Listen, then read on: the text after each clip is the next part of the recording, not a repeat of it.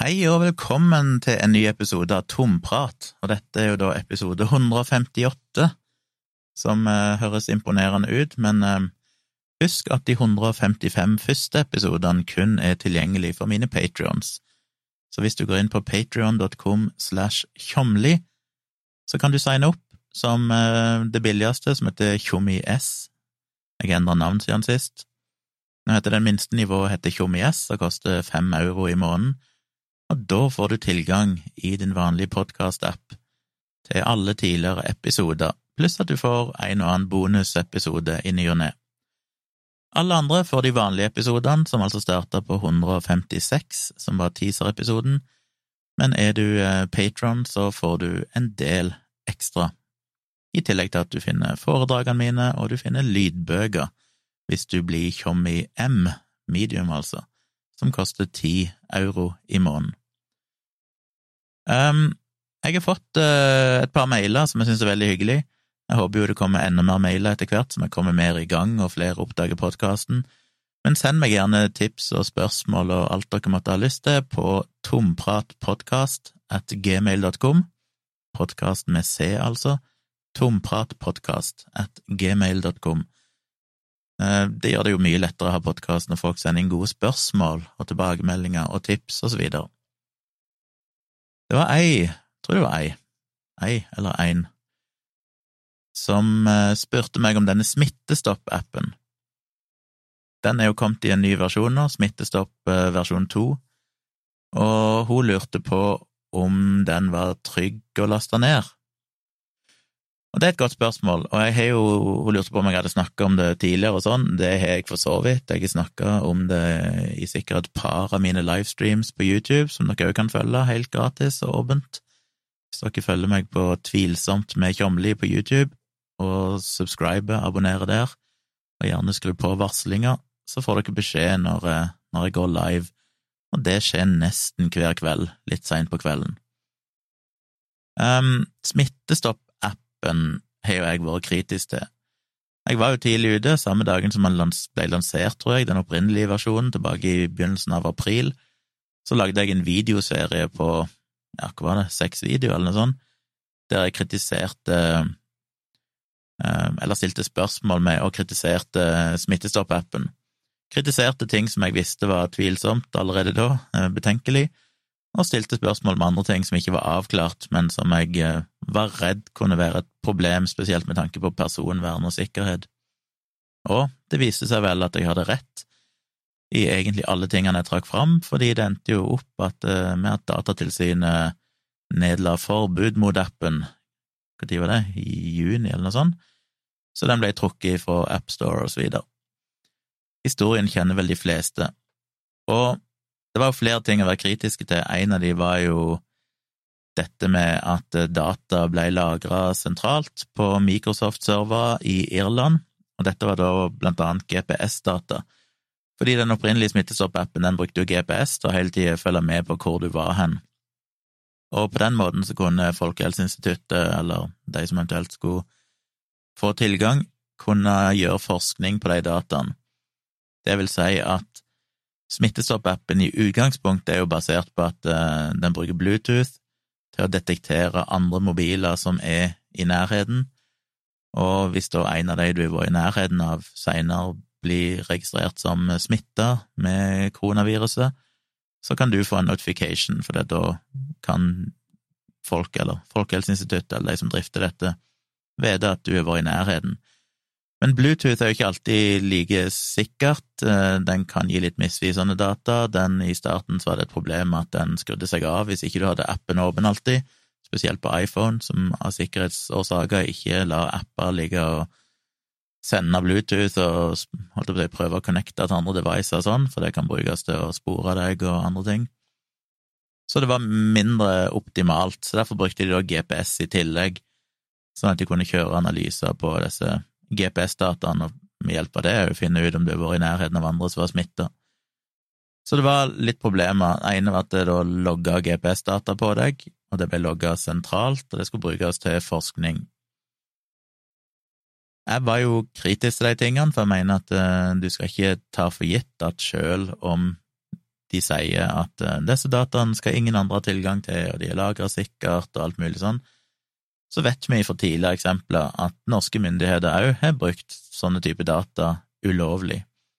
Um, så selv om jeg selvfølgelig ønsker å stole på myndighetene, så føler jeg meg ikke helt trygg på det, for det at hvis det skulle skje en uh, alvorlig kriminell uh, hendelse, eller en terroraksjon eller et eller annet, så er det fort gjort at politikere og andre går med på at hm, disse dataene hadde jo vært veldig nyttige nå for å prøve å finne ut hvem terroristen er, eller finne ut hvem som var involvert i dette, og plutselig så endrer de på reglene. Det er det en kaller for formålsutglidning.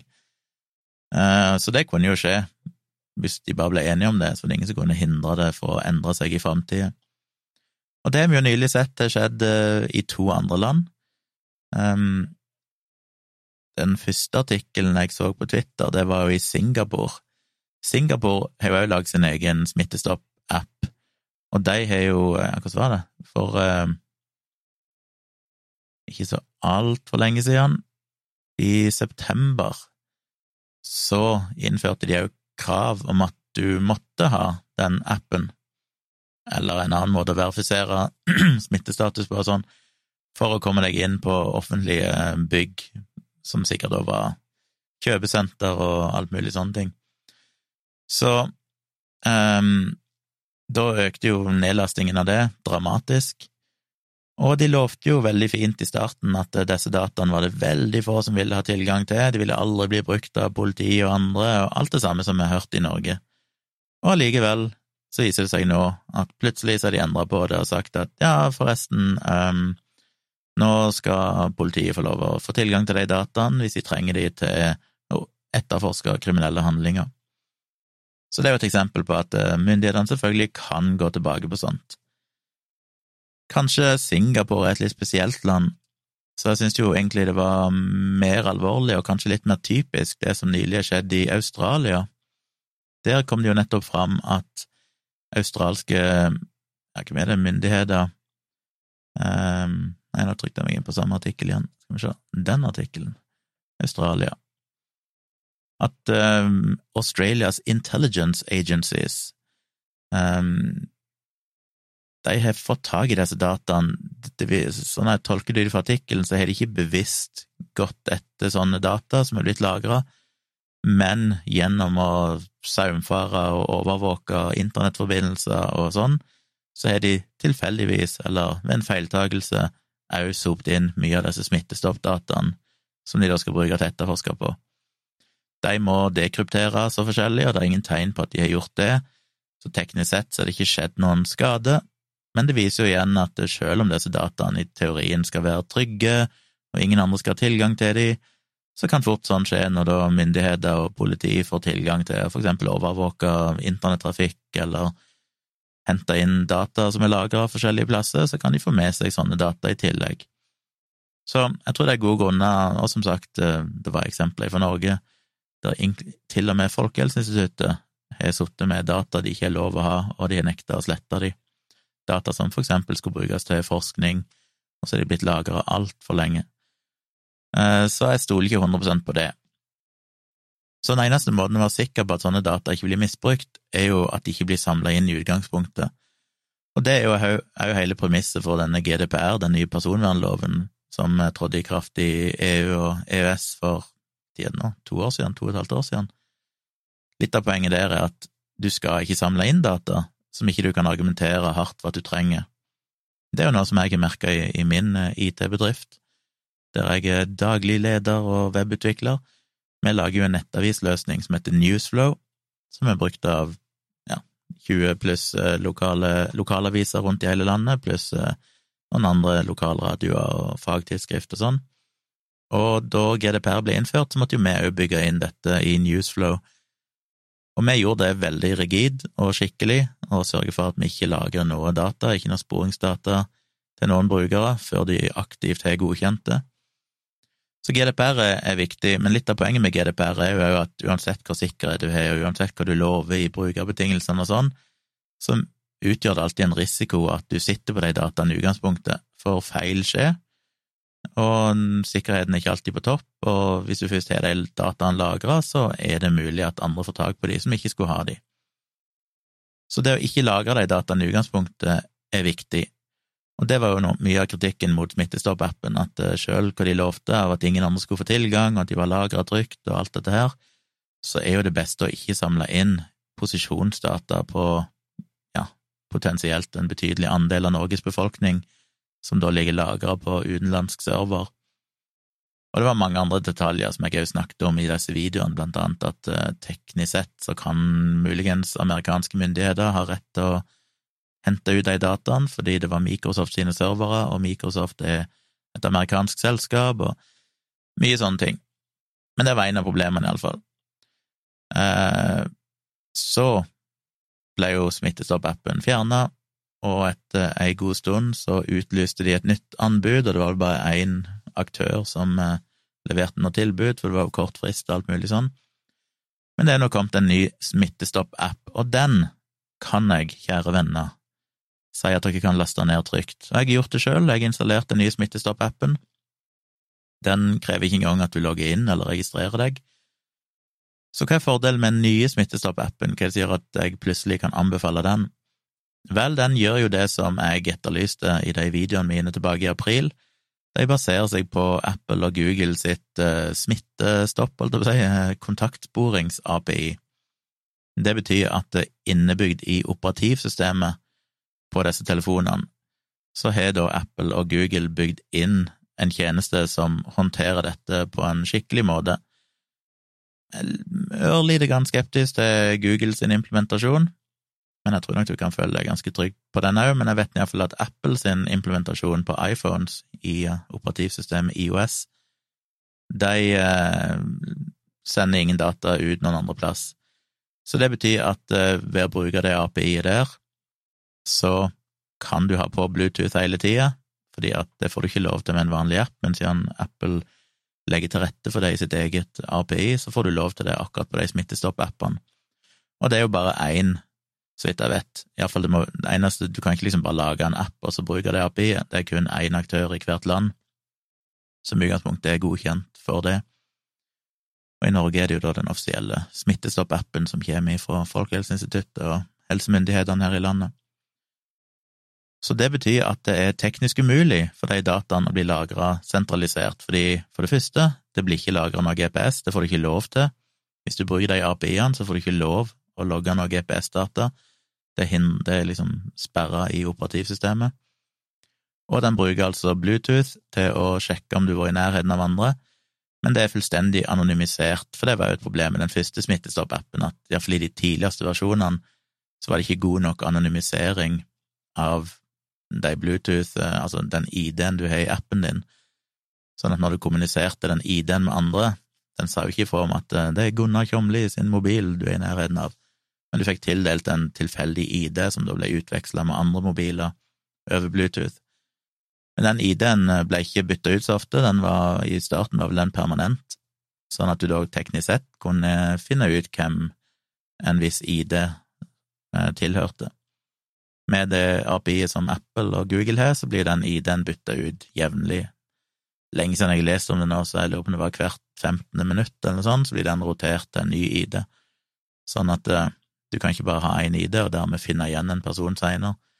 Litt av problemet med den første versjonen av Smittestopp-appen var at hvis du for eksempel var i nærheten av Erna Solberg, så kunne du gå inn og finne ut, se hvilken ID som var logga i appen, og da kunne du på forskjellige måter etter hvert finne ut hvilken ID som tilhører Erna Solberg. Og så kunne du da teknisk sett uh, stå på utsida av Stortinget og så se om den ID-en dukker opp, og da visste du at Erna Solberg var på andre sida av veggen, i nærheten, innenfor rekkevidden til Bluetooth, som er noen meter. Og så kunne du ha sprengt ei bombe, eller whatever. Veldig hypotetisk, men sånne ting var mulig. Det kan du ikke nå med denne nye Smittestopp-appen, og der er dataen lagra kun lokalt på enheten, de blir ikke sendt til noen server.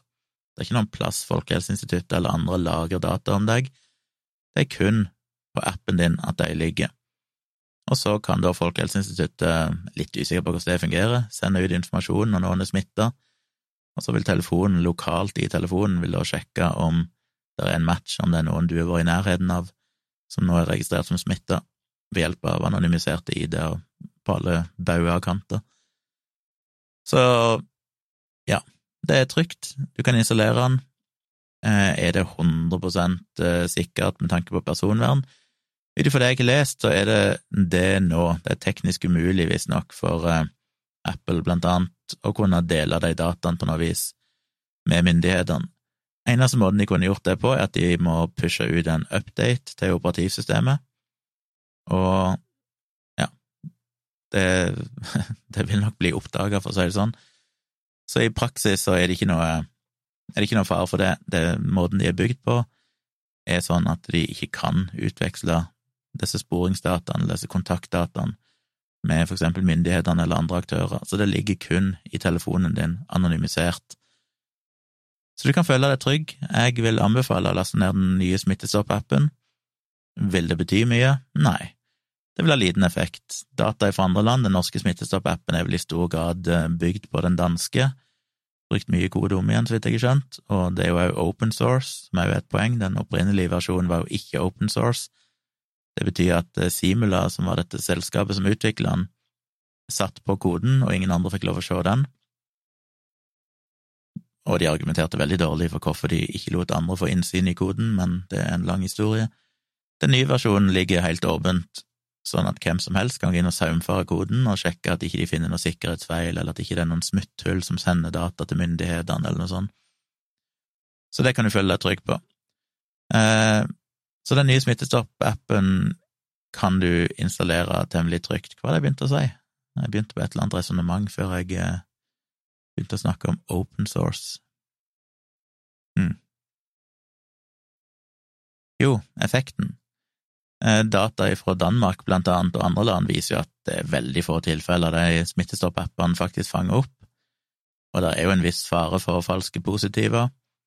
For eksempel så kan jo jeg, som bor i en blokk, sitte i min leilighet, og teknisk sett så kan det sitte en smitta person på andre sida av veggen i naboleiligheten, og være da én eller to meter ifra meg over lengre tid, og det kan bli registrert som at du har vært i nærkontakt med noen som du da ikke har, for du har vært i separate leiligheter. Så sånne feil kan jo oppstå, det er ikke en helt sikker metode. Men eh, i utgangspunktet så er det nå bedre enn ingenting. Det er iallfall eh, Jeg, har installert den mest bare fordi jeg syns det er litt gøy. Det hadde jo vært kult å plutselig fått en notification at jeg har vært i nærheten av noen som har smitta. Det bare syns jeg er interessant av en eller annen grunn. Vil det ha noe å si på begrensning av smitte i landet og sånne ting? Jeg tror det vil ha fryktelig lite å si. Den fanger opp få tilfeller, og de som blir fanga opp eh, Ja, vi har jo sosial distansering og hjemmekontor og alt det andre allerede, og det er jo de definitivt viktigste tiltakene. Men jeg eh, vil si at du kan installere den appen trygt, og gjør gjerne det. Jeg syns jo de overselger appen, da, hvis dere har sett disse reklamekampanjene ute i byen og sånn, eller der dere måtte bo så er det sånn å, folk som eh, gleder seg til å kunne treffe familien igjen, og gleder seg til å kunne klemme andre, og last ned Smittestopp-appen, så tenker jeg det er jo ikke akkurat Smittestopp-appen som kommer til å være den avgjørende faktoren i når vi kan åpne opp igjen samfunnet. Selvfølgelig overselger effekten ganske kraftig. Men det er nå så. Jeg har fått et annet spørsmål. Ei som lurte på eh, hva jeg tenkte om at det var snakk om å bruke flere vaksiner i Norge mot eh, koronaviruset enn bare Pfizer sin, som var den første som ble godkjent. Hun spør eh, hva tenker du om det, tenker da mest på bivirkninger, er det omtrent det samme? Ja, nå er det vel foreløpig så er det vel bare Pfizer-vaksinen som er godkjent i EU, så vidt jeg vet. Moderna-vaksinen skulle vel egentlig blitt godkjent i går, det vil si mandag 4. januar, men det er blitt utsatt, så det siste jeg leste, var vel at han kanskje blir godkjent i morgen, som er onsdag 6. januar. Så får vi se. Jeg vil vel anta at den blir godkjent. Den er blitt godkjent av FDA i USA. Jeg klarer vel ikke helt se at EU skulle være noe mer skeptiske. Ut ifra de dataene som er publisert, så er jo effekten veldig god, og igjen lite bivirkninger. Jeg syns jo det er absolutt en god ting, for vaksineringa går altfor seint. Vi trenger flere vaksiner, for det Pfizer klarer ikke å levere raskt nok. Jeg så jo blant annet at de regna med å ikke kunne levere de siste dosene til EU før i september, Så først i september vil de ha kunnet levert alt de skal til EU. Og vi, Norge er jo med i en sånn felles avtale, innkjøpsavtale gjennom EU, så vi hører jo inn i det systemet. Så vi er helt avhengig av at det blir flere vaksineleverandører. Det går jo fryktelig seint. Jeg leste at det var 2500 mennesker eller sånn som var vaksinert i Norge, som jo er latterlig lite. Det går veldig, veldig treigt. Og vi har ikke fått veldig mange vaksiner heller. Så vi trenger mer vaksiner. Jeg tror det var Fredrik Solvang som skrev på Twitter at uh, vi fikk 40 000 vaksiner uh, Hvor hyppig var det? 40 000 vaksiner må ha vært i uka, regner jeg med? Ja. Og med det tempoet vil det jo ta to og et halvt år, sa han, å vaksinere alle. Så Pfizer klarer jo ikke levere nok til Norge, eller EU, på kort tid. Så skal vi ha noen som helst mål om å klare å ha vaksinert nok mennesker i Norge innen sommeren, så må vi ha flere aktører. Moderne er jo en av de, og jeg håper jo og regner med at de blir godkjent eh, kanskje i morgen, sånn at eh, de òg kan begynne å levere vaksiner til EU. Det har jo vært innspill, så i dag var det Ap eller sånn som hadde gått ut og sagt at de mente vi burde inngå direkte innkjøpsavtaler med vaksineprodusentene for at dette skulle gå fortere, og ikke bare vente på å få det gjennom EU-systemet. Det tror ikke jeg er en god idé. Det Jeg synes det er uheldig hvis det er sånn at de landene som har nok penger, kan begynne å kjøpe vaksiner direkte fra selskapene, for det vil også kunne føre til at de kan skru opp prisene, og det vil gjøre at andre land òg kommer dårligere ut. Jeg syns eh, det er fint at vi har en felles innkjøpsavtale for EU, at vi skal bli, handlet, bli behandla rettferdig, og det vil òg kunne sørge for at EU har større tyngde til å forhandle priser sånn med, med vaksineprodusentene og sikre bedre priser til alle, og så videre. Så jeg tror jeg vil heller at vi må vente litt lenger hvis det, det er det som må til, enn at vi skal bruke våre økonomiske muskler til å begynne å handle vaksiner direkte fra vaksineprodusentene sjøl. Men vi trenger det. Bivirkningsbildet ser jo ut til å være ganske likt, hvis jeg har sett på både Pfizer og Moderna sine. Den eneste bivirkningen, og dette er jo snakka om en del tidligere i livestreamen min, men den eneste bivirkningen som ser ut til å være mer hyppig enn det som er vanlig i vaksiner, er allergiske reaksjoner. Så vidt jeg husker, så ligger det på omtrent én av 50 000 doser som blir gitt, trigger en allergisk reaksjon. Normalt snittet på vaksiner ellers er rundt én av en million. Og disse allergiske reaksjonene blir jo regnet som en alvorlig bivirkning, fordi det kan være alvorlig, og du må jo ha hjelp av lege på et eller annet vis. Men eh, stort sett så er det ufarlig allikevel. Det, er ikke Det er ingen som dør av det. Jeg ler, det var ikke meningen å le av at noen dør av det, men eh, veldig, veldig sjeldent, var poenget mitt.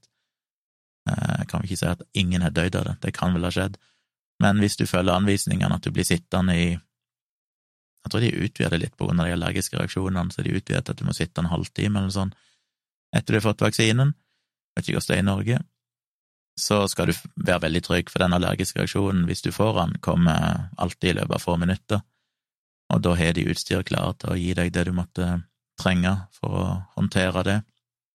Så det er neppe farlig, og det er ikke meldt noen som har fått noen alvorlige komplikasjoner av det. Det er skremmende, og det er alvorlig i seg sjøl, men sannsynligvis ikke farlig. Mye mindre farlig enn å få korona for eh, de som er mest spesielt utsatt, iallfall. Så det har jo vært eh, interessant, og de har spekulert litt i hva er det i den nye vaksinen som ser ut til å trigge um, mer allergiske reaksjoner. Nå glemte jeg å google det før jeg starta her, eh, for jeg snakker om det i livestreamen, men nå har jeg ikke artikkelen foran meg, så jeg husker ikke navnet, men en av mistankene går til en sånn et stoff som kapsler inn de her mRNA-molekylene, sånn at de kan komme seg inn i muskelcellene i kroppen vår før de blir ødelagt av, av immunforsvaret. Og det er et stoff som blir brukt i ja, blant annet sjampo og sånn, og også i mat, visstnok så det regnet som et veldig trygt stoff. Det finnes noen få som er allergiske mot det, men en eller annen grunn så ser det ut til å være flere som reagerer allergisk på vaksinen enn de en antar burde kunne reagere på en så ekstremt liten dose som det er i vaksinen, for det de normalt reagerer på, er en dose som er flere tusen ganger større, som du har i sjampo og sånne ting, som noen kan få allergisk reaksjon på. Men i vaksinen så var det noe sånn som 0,0005 gram eller et eller annet sånt av dette stoffet, og det var nesten ufattelig at noen skulle kunne reagere allergisk på det. De, og de vet jo ikke om det er det stoffet, så det følger de med på. Og det er jo bra å vite, og det er viktig å huske at det vil alltid være en sånn, det en gjerne kaller for en fase fire-studie, etter at en vaksine er godkjent, for da begynner de å se om det er bivirkninger etter at vaksinen begynner å bli gitt i stor skala. Så hvis en plukker opp noe sånt, så vil jo vaksinen i verste fall da bli trukket tilbake, eller ikke blir brukt fram til de finner ut hva som skjer, hvis det skulle være noen andre alvorlige bivirkninger. Men foreløpig så er det ikke det. Så alt i alt virker jo vaksinene veldig trygge, begge to. Og hvis ikke de var trygge nok, så vil de ikke bli godkjent. Det er jo egentlig så enkelt. Um, det er jo andre vaksiner på gang, denne Oxford- eller AstraZeneca-vaksinen, som baserer seg på en litt annen metode, den er vel ikke mRNA-basert som òg kanskje blir godkjent etter hvert, og da får han enda en leverandør, så jo flere leverandører, jo bedre. Og jeg husker ikke helt dataen på den AstraZeneca, men iallfall både Moderna og Pfizer sine ligger vel på over 95% effektive etter to doser. Så det har jo vært diskutert og en del nå i det siste, burde en begynne å gi bare én dose heller enn to? Fordi hvis du kan gi bare én dose, så kan du vaksinere dobbelt så mange. Og vil det da være bedre å heller vaksinere veldig mange som da ikke får optimal beskyttelse? Er det bedre for å begrense smitten enn å vaksinere halvparten så mange, men gi de bedre immunitet gjennom to doser? Og det er vanskelig for oss vanlige dødelige å vite, jeg ser det diskuteres hardt. Um, umiddelbart så tenkte jeg ja, det høres jo fornuftig ut, er det ikke bedre å gi én dose og kanskje ikke optimal beskyttelse, og heller få vaksinert dobbelt så mange? Men jeg har sett eh, folk, tungvektere, som jeg eh, respekterer innenfor vaksinefaget, som mener at det er ikke noe smart. For foreløpig så er det vel ikke noen publiserte data som sier noen ting om effekten av én dose. Det eneste vi har solide data på, det er effekten av to doser. Så ja, de lærde strides vel til en viss grad, og enkelte plasser så mener jeg de har begynt å vurdere eller vedtatt at de skal bare gi én dose, men det er ikke nødvendigvis så lurt som det kan høres ut. Men vi får se. Jeg regner jo med at dette er ting de regner på og saumfører dataen for å finne ut, eh, analysere statistisk hva som vil være best, og så kommer det vel noen gode konklusjoner etter hvert. Men det er ikke så enkelt som det kanskje kan høres ut til med en gang. Jeg fikk òg en mail ifra ei som eh, hadde hørt meg snakke om uh, dette med at eh, lockdown, eller pandemisituasjonen, var bedre for oss introverte enn for ekstroverte. Og hun fant en studie som hadde blitt delt et eller annet sted, og hun hadde ikke sett veldig nøye på det sjøl, men en studie som sa at eh, i motsetning til det en kanskje skulle tro, så ser det ut til at introverte klarer seg dårligere i denne situasjonen, i pandemisituasjonen. Og Den studien var en eh, liten studie som var publisert i et tidsskrift som heter Frontiers in Psychology, og det var en liten studie. Det var ei, en forsker, Marianne Wai, som er en eh, doktorgradsstudent ved University of Wollongong, som hadde gått ut på Reddit, vel, og funnet 114 individer de aller fleste var fra USA, men det var noen fra England, Canada, Australia og Tyskland òg. Og bedt de svare på noen sånne undersøkelser som, eller spørsmål som skal avdekke om de er primært introverte eller ekstroverte, og jeg prøvd å kartlegge da forskjellige effekter, psykologiske effekter av å sosial distansering, alt dette her. Og der kom det fram at introverte faktisk så ut til å klare seg dårligere. Og når jeg da gikk inn og fant studien i sin helhet, og gjenger ned til diskusjonsdelen, som ofte er det enkleste og raskeste hvis en skal få et overblikk, for der pleier de å oppsummere resultatene og drøfte de litt, svakheter og sånne ting. Og da er det mange måter å tolke de dataene på. Jeg må jo si før jeg fortsetter at det er en liten studie. 114 mennesker er regna som en liten studie, så en skal jo uansett ikke ta de dataene for uh, seriøst, selv om de hadde prøvd å justere for andre variabler, som eh, ja, levetilstanden deres på andre områder, for å se i hvilken grad det virker inn. Men hun skriver jo her at eh, større grad av introverthet var assosiert med en høyere grad av ensomhet, depresjon og angst knytta til covid-19-relaterte omstendigheter. Og det sier jo avviker fra tidligere litteratur på mange måter. For det første så Nei, det, var, det både avviker og er i tråd med annen litteratur. Det er i tråd med annen litteratur som sier at uh, hvis du er introvert, så har du ofte flere psykiske problemer generelt sett, og vanskelig, større vanskeligheter med å tilpasse deg endringer som skjer i livet ditt. Men det strider imot tidligere data som peker i retning av at introverthet er knytta til at du har en preferanse for mindre stimulerende omgivelser, som jo nesten sier seg sjøl. Eh, så ut ifra det så kunne en jo tro at hvis du da lever i lockdown og har mindre med folk å gjøre og sånn, mer sosial distansering, så burde det være bra for introverte. Og det var det mange trodde, og det var derfor hun ville gjøre den studien. Men de finner jo altså ikke nødvendigvis det.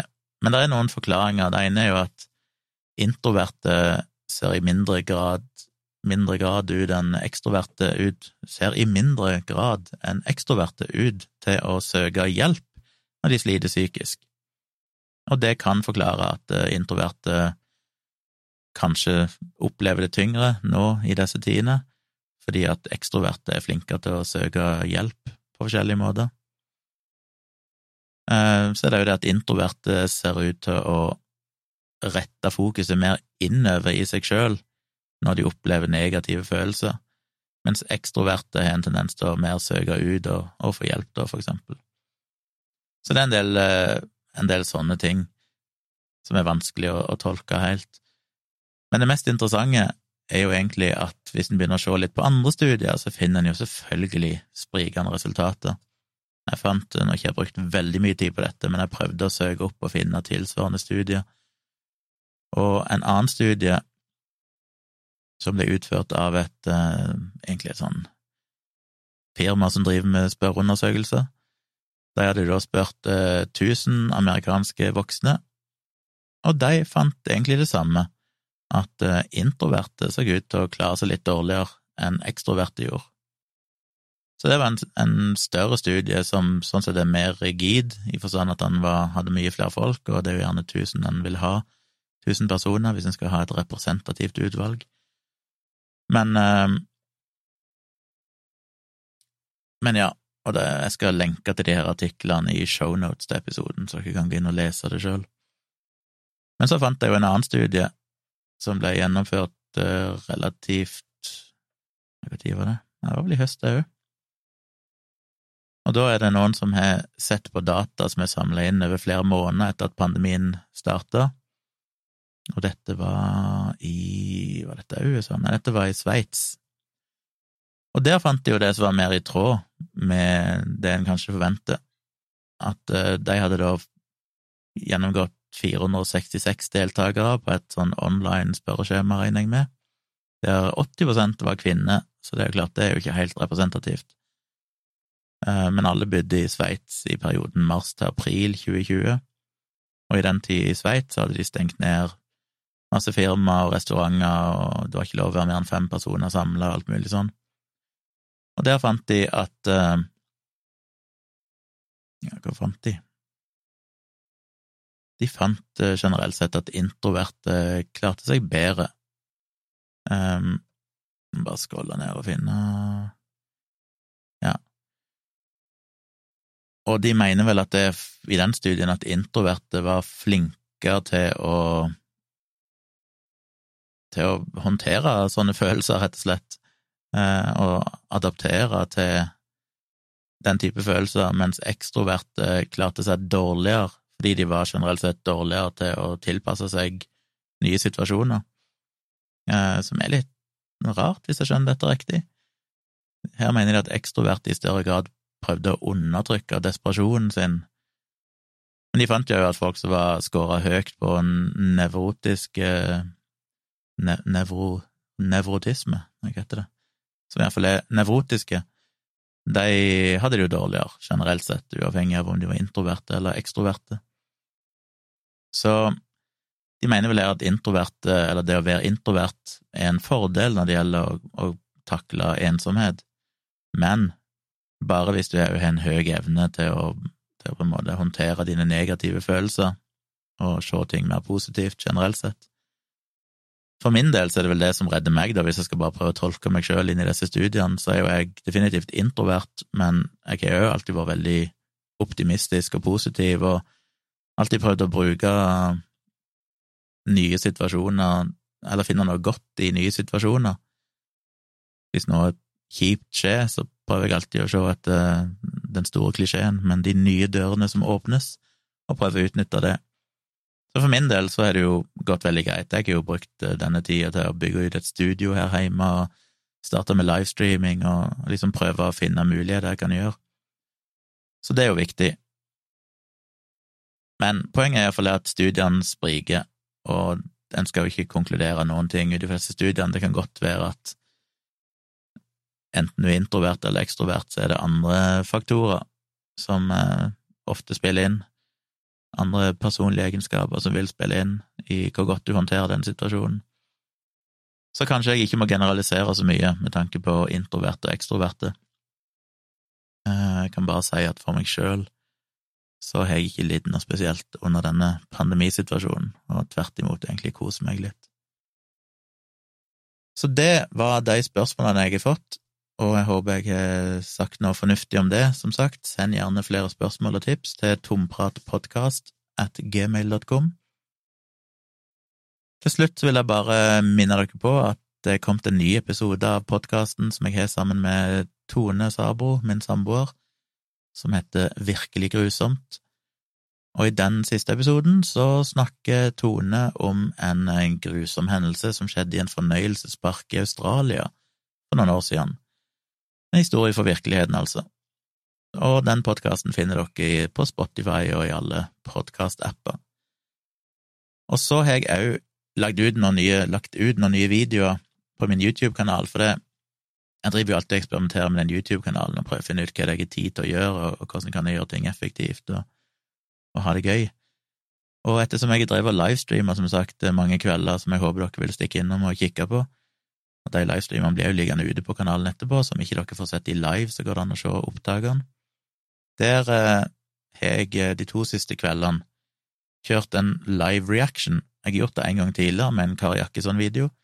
Denne gangen har jeg tatt for meg to videoer av en som kaller seg Jesus Corner på YouTube. En veldig, veldig konservativ, kristen, norsk dude, som jeg tror jobber på en oljeplattform eller et eller annet, som har lagt ut masse videoer som nesten ingen ser, der han kommer med ekstreme kristne budskap. Og i den ene videoen så stilte han spørsmålet om vi burde ta koronavaksinen eller ikke, sett i et bibelsk perspektiv, argumenterer da mot eh, vaksinen, fordi hans overbevisning tilsier det. Han sier jo selvfølgelig ingenting om vaksinen, eller diskuterer ikke vaksinen i det hele tatt. Alt handler bare om hva han føler, og hva han føler han hva hans følelser betyr for hva Gud prøver å fortelle han. Men den reacta jeg på, og i går så reacta jeg på en annen video av han der han eh, snakker om løgnen i Darwins lære. Og det er jo alltid gøy å diskutere evolusjon. Problemet er jo at han ikke er innom evolusjon i det hele tatt. Han, han sier bare to ting om Charles Darwin og fysikeren Fred Doyle, som begge er totalt feil, selvfølgelig. Men eh, løgn betyr visst ingenting for en kristen predikant, så lenge han føler han har et godt poeng. Hvis dere vil se dem, så kan dere finne dem på YouTube-kanalen min. Den første videoen, reactionen, den har jeg også redigert i en korta versjon som ligger som en selvstendig video, i tillegg til at den ligger i en full versjon som livestream. Eh, og den eh, livestreamen jeg hadde i går, den skal jeg få redigert i kveld, sannsynligvis, med mindre jeg hører det igjen og tenker at dette var helt ræva. Men hvis jeg føler det er bra nok, så skal jeg lage en kortversjon av den òg. Og den blir nok enda kortere, for det var en litt kortere reaction der jeg stort sett spolte meg gjennom videoen og bare forholdt meg til to av poengene hans. Men det kommer òg som en selvstendig video, så enten kan dere se den lange versjonen i de livestreamene som jeg kaller for Tomprat live, eller så kan dere se de videoene som er dedikerte, som da het et litt mer forseggjort thumbnail og en litt annen tittel, som dere òg finner, og som bare er mye kortere. livestreamene varer jo som regel opp mot tre timer. Så der starter jeg med reaction, men etter jeg er ferdig med det, så fortsetter vi med masse spørsmål og, og prating i livechatten og sånn. Så sjekk gjerne ut det. Virkelig grusomt podkast, altså, og eh, mine livestreams på YouTube-kanalen. Og vil dere få med dere når jeg livestreamer, så er det altså bare å abonnere på kanalen og trykke på dette bjelleikonet og skru på alle varslinger, så skal dere få en notification, spesielt hvis dere har installert YouTube-appen og aksepterer varslinger der. Hvis ikke, så kan dere også få det på mail. Så det håper jeg dere gjør. Det blir stadig flere folk som ser på livestreamen, og det synes jeg er veldig gøy. Um, jeg skal prøve å gjøre flere reactions, så jeg tar gjerne imot tips til videoer jeg kan reacte på. Enten det er sånn type Åndenes makt-klipp som jeg har laga video om tidligere, som jeg reacter på, eller folk som sier idiotiske ting om eh, koronavaksinen, eller religion, eller alternativ behandling, eller et eller annet som dere tror jeg eh, kan noe om og interesserer meg for, så kan dere gjerne sende meg tips, for det er utrolig nyttig. Da prøver jeg å bruke det hvis jeg ser at det er en video som ikke er altfor lang. Jeg vil helst ikke ha sånne timeslange videoer, for de tar for lang tid å reacte på. Aller helst hvis det er noen fra sånn fem minutter opp til kanskje 20 minutter maks, er de beste å reacte på. Men det er ofte litt vanskelig å finne de korte videoene, som er lette å på en måte gå gjennom, men tar gjerne imot det. Spesielt dette med åndenes makt, for der har jeg prøvd å finne gode klipp. Og det er jo folk som sier at eh, ja, har du sett det, det tilfellet der sånn og sånn skjedde? Så sier jeg nei, jeg har ikke det, kan du fortelle meg hvor jeg kan se det hen? Og så er det alltid sånn nei, det vet jeg ikke. Og da hjelper det meg lite. Jeg må ha en link og, eh, til en video eller noen som kan si hvilken episode det var, og når i episoden det skjedde, sånn cirka, i det minste. Så kan jeg sjekke det ut sjøl, og prøve å reacte og forklare og tenke litt kritisk rundt det. Så jeg setter veldig pris på, på spørsmål og, og tips om sånne ting. Det var vel en episode, tror jeg. Jeg er tilbake igjen ganske snart, senest på fredag, med en ny episode, og så håper jeg vi ses på YouTube-kanalen min en av de nærmeste kveldene. Husk å støtte meg på Patron. Jeg fikk også positiv tilbakemelding på den uh, dyreste Patron-nivået mitt, der du altså kan få en, enten en halvtimes månedlig prat, eller bruke meg til research hvis du trenger hjelp med noe research. Så sjekk gjerne ut det, men du kan også få altså fem euro i måneden, som er ca. en femtilapp i måneden, så får du tilgang til hele Tompratarkivet, inklusiv eh, bonusepisoder og sånn. Og går du for den som koster ca. en hundrelapp i måneden, så får du òg foredragene mine og begge lydbøkene mine rett i podkast-appen din. Så det er noe jeg håper du har lyst til å ha. Yes, da avslutter jeg. Vi høres igjen om noen få dager, og takk for at du hørte på.